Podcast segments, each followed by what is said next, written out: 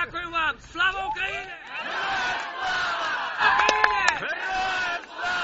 Слава Україні!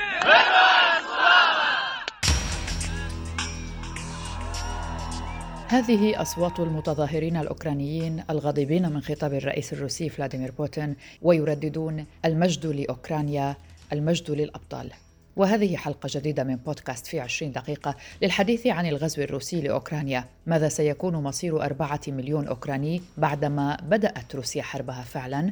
ومن هو الخاسر الأكبر في هذه الحرب؟ ضيفتي الكاتبة والصحفية السورية المقيمة في فرنسا السيدة موزون مرشد تجيب عن هذه الأسئلة. أهلا بكم معكم براء صليبي.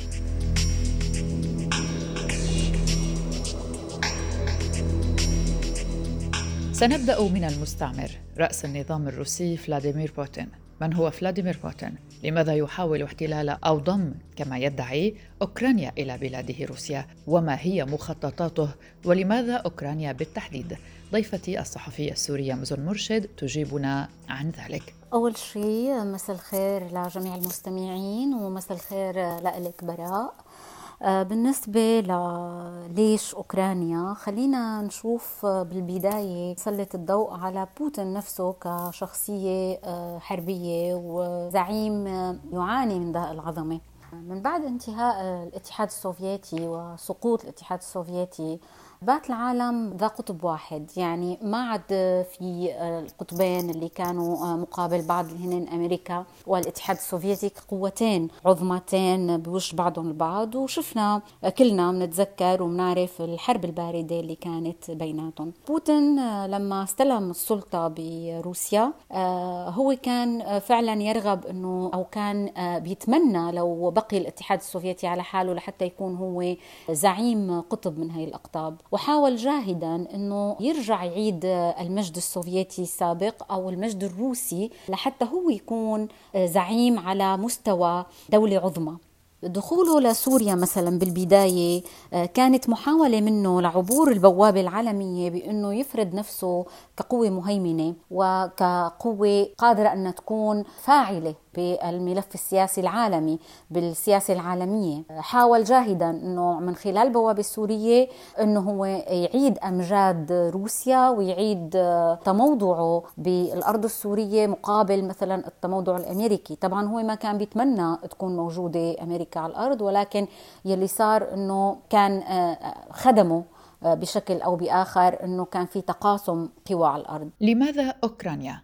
هلأ بالنسبة له الطموح يعني توقعاتي الشخصية وبالنهاية هي كلها تحليلات خاصة وكل منا له وجهة نظر وله رؤية. أنا بشوف إنه كان متوقع إنه تكون أوكرانيا السيطرة على أوكرانيا يكون بشكل سلس وسهل بالنسبة له نظرا للتفوق العسكري الروسي. وأعتقد إنه كان حلمه ولا يزال إنه يتوسع باتجاه باقي الأراضي اللي كانت جزء من الاتحاد السوفيتي واللي هي قريبة ومتاخمة لحدوده بإنه يسترجع ضخامة روسيا كروسيا اتحادية ويسترجع هي المكانة اللي بتفرضه كقوة عظمى بالعالم. هلأ ليش أوكرانيا؟ ما فينا ننكر إنه بأيام الاتحاد السوفيتي أوكرانيا كانت هي مركز التصنيع النووي. يعني بنتذكر تشيرنوبل بنتذكر كذا مصنع نووي هن موجودين بأوكرانيا. خسرهم أو خسرتهم روسيا وخسرهم الاتحاد السوفيتي عندما تفكك. أوكرانيا مثلا تحتل المركز الثاني بأوروبا والمركز العاشر بالعالم من حيث احتياطي خام التيتانيوم. هي بالمركز الثاني بالعالم من الاحتياطيات المستكشفة من خامات المنغنيز. ثاني أكبر احتياطي لخام الحديد. المركز الثاني بأوروبا باحتياط خام الزئبق، المركز الثالث بأوروبا و13 عالميا باحتياط الغاز الصخري، المرتبة الرابعة بالعالم من حيث القيمة الإجمالية للموارد الطبيعية، ما ننسى إنه الأراضي الأوكرانية أراضي خصبة جدا يعني هي أكبر خزان أو مخزن بالعالم للتربة السوداء الغنية الخصبة جدا، ما بننسى كمان إنه أوكرانيا هي ثاني مركز عالمي بإنتاج الشعير والمركز الرابع بالصادرات من الشعير.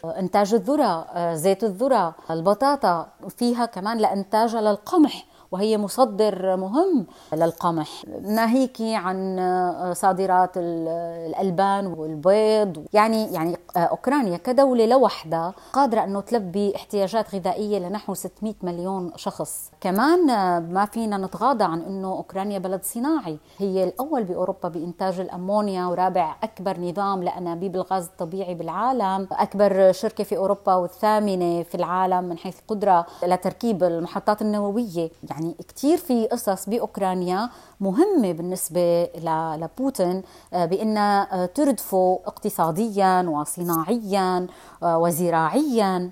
ناهيك عن الطموح يلي حكيت فيه قبل شوي إنه هو عنده طموح كبير انه روسيا تتوسع ويستعيد روسيا القوية يلي هي توازي القيصرية الروسية أو توازي الاتحاد السوفيتي وإنه هو يكون قطب من أقطاب السياسيي العالم وزعماء العالم. شخصية بوتين كلنا صرنا بنعرفها من خلال تعامله بسوريا وتدخله العسكري فيها ومن خلال قراءتنا لتاريخه الشخصي لهيدا الشخص خلفيته كضابط مخابرات بالكي جي بي وعقليته الدموية عقليته الحربية. يعني آه، ما فينا ما نقول إنه هو شخص توسعي واستعماري بالدرجة الأولى.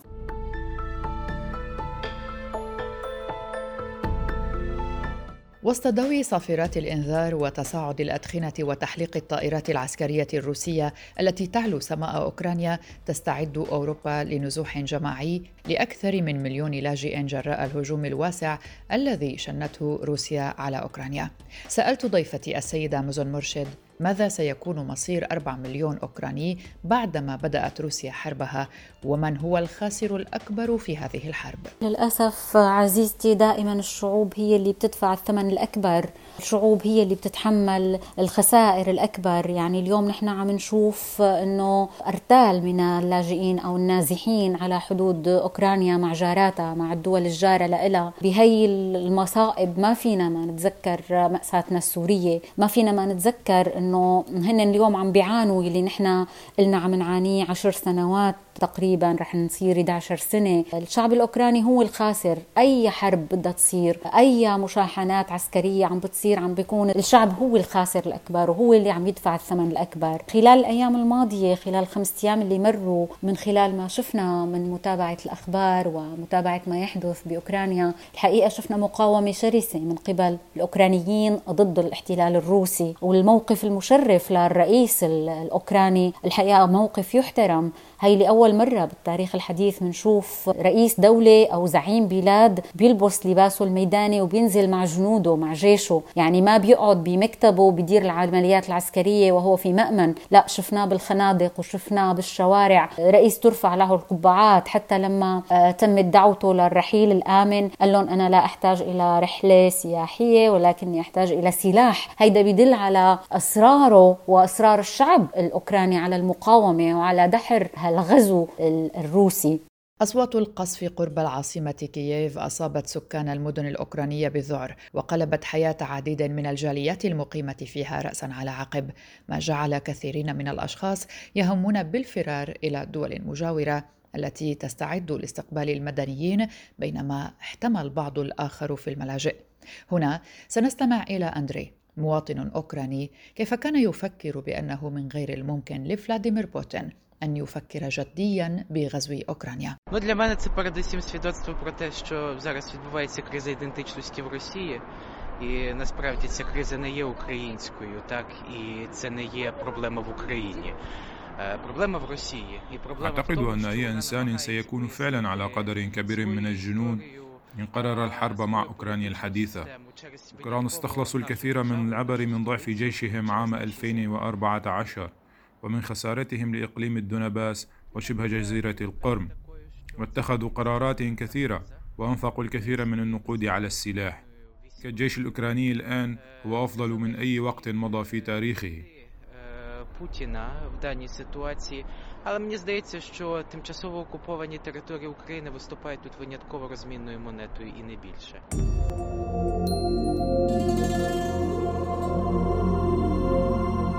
واليوم مع بداية شهر مارس آذار جاءت الأخبار بالأسوأ للأسف. تقول الأخبار أن المعارك محتدمة في أوكرانيا وتحديدا في خاركيف. خاركيف هي ثاني أكبر مدن أوكرانيا وتقع على الحدود مع روسيا وتعد مدينة الشعر والفن والتجارة والصناعة والاكتشافات العلمية لكنها الآن ركيزة أساسية في الكفاح من أجل مستقبل أوكرانيا. وكل ذلك وفقا لصحيفة واشنطن بوست. واجهت خاركيف بعض أعنف المعارك منذ أن توغلت القوات والدبابات والطائرات الحربية الروسية عبر الحدود يوم الخميس الماضي. ولا يوجد إحصاء رسمي للضحايا في هذه المدينة التي يبلغ عدد سكانها مليون ونصف المليون نسمة والتي تتعرض للقصف بشكل متواصل. في عشرين دقيقة مع براء صليبي في ميديكا وهي بلدة تقع على الحدود البولندية الأوكرانية. انتظر اللاجئون الفارون من الغزو الروسي ركوب حافلات لإحضارهم إلى مكان آمن في بولندا. احتشد الناس وقدم لهم المتطوعون الطعام والإمدادات وجميعهم من النساء والأطفال حيث منعت أوكرانيا مواطنيها الذكور الذين تتراوح أعمارهم بين 18 و 60 عاما من مغادرة البلاد. كيف يقرأ فلاديمير الشاب الأوكراني ما يحدث اليوم؟ I think it's uh, uh, anybody should be very crazy to make war with uh, modern Ukraine. Uh, Ukrainians make a lot of uh, decisions from uh, بالنسبة لي قبل كل شيء هذا دليل على حقيقة وجود أزمة هوية في روسيا وفي الواقع هذه الأزمة ليست أوكرانية أو تابعة لأوكرانيا. المشكلة في روسيا. والمشكلة أنها تحاول شرح تاريخ نظامها السياسي من خلال دولتنا وعاصمتنا وعبر أراضينا. بالنسبة لي فإن من وجهة النظر هذه هي أن هذا التهديد كان موجودا. وظل معلقا فوق أراضي أوكرانيا لمدة ثمانية سنوات. كل هذا يتوقف على هدف بوتين في هذه الحالة. لكن يبدو لي أن الأراضي المحتلة مؤقتا في أوكرانيا هي هنا حصريا ورقة مساومة وليس أكثر.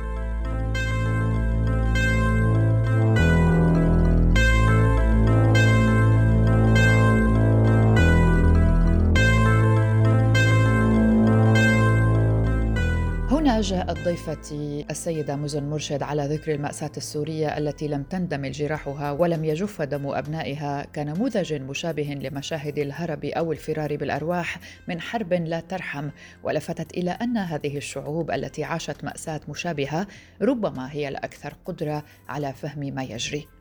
للأسف الشديد برجع بعيد أنه اليوم نحن ما فينا نشوف مصائب شعوب وما نتذكر مأساتنا. يعني ما نتذكر مصيبتنا. نحن يمكن أكثر ناس قادرين نشعر اليوم بالشعب الأوكراني وشو عم بيصير فيه. الناس اللي تركت بيوتها وتركت أرضها. الناس اللي خسرت كل شيء بتملكه وبعضهم خسر أبنائه للأسف. هاي خسائر لا يمكن تعويضها ولا يمكن أنه يمحيها الزمن. يعني هاي ذكريات مؤلمة رح تبقى مرافقتهم إلى الابد مثل ما نحن ذكرياتنا ما زالت جروحنا بعدها عم تنز وذكرياتنا لساتها ما صارت ذكريات بعدها ما تزال واقع عم نعيشه يوميا.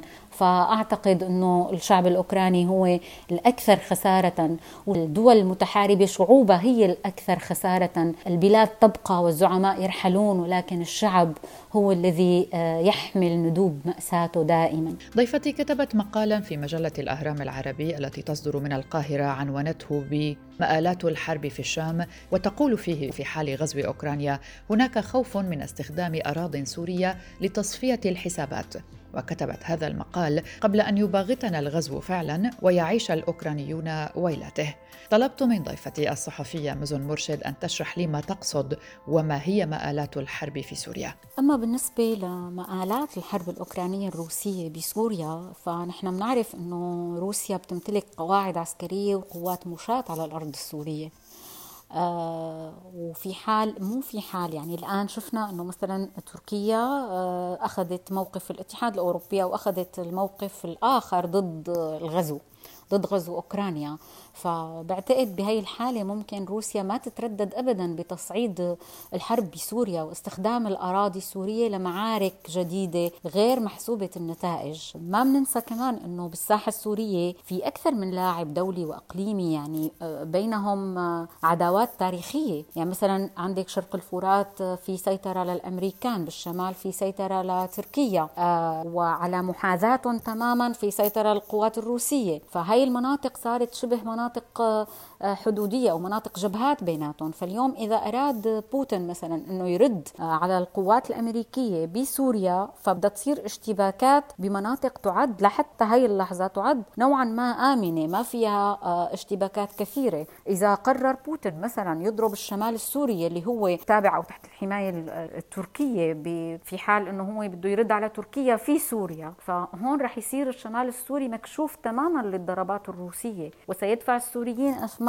باهظة بهذا الموضوع. يعني ممكن يصير اشتباكات بين القوات الروسية والقوات الأمريكية من جهة وبين القوات الروسية والقوات التركية من جهة أخرى وكل هذا فوق الأرض السورية وسيدفع ثمنه أو ستكون ضحاياه من السوريين بمناطق تعتبر حتى الآن تعتبر يعني نوعا ما آمنة حتى هي اللحظة. وهيك نحن رح نكون يعني رح نشوف إنه هي الاشتباكات بين مثلا القوات الروسية والقوات الأمريكية قد تكون هي الاشتباكات الأولى من نوعها منذ الحرب الباردة. يعني نحن شفنا إنه حتى لما كان في حرب باردة بين الاتحاد السوفيتي وأمريكا إلا إنه ما صار في اشتباك مباشر بين القوتين. اليوم ممكن هيدا الاشتباك المباشر يصير على الأرض السورية وبالتالي الخسائر السورية ستزيد.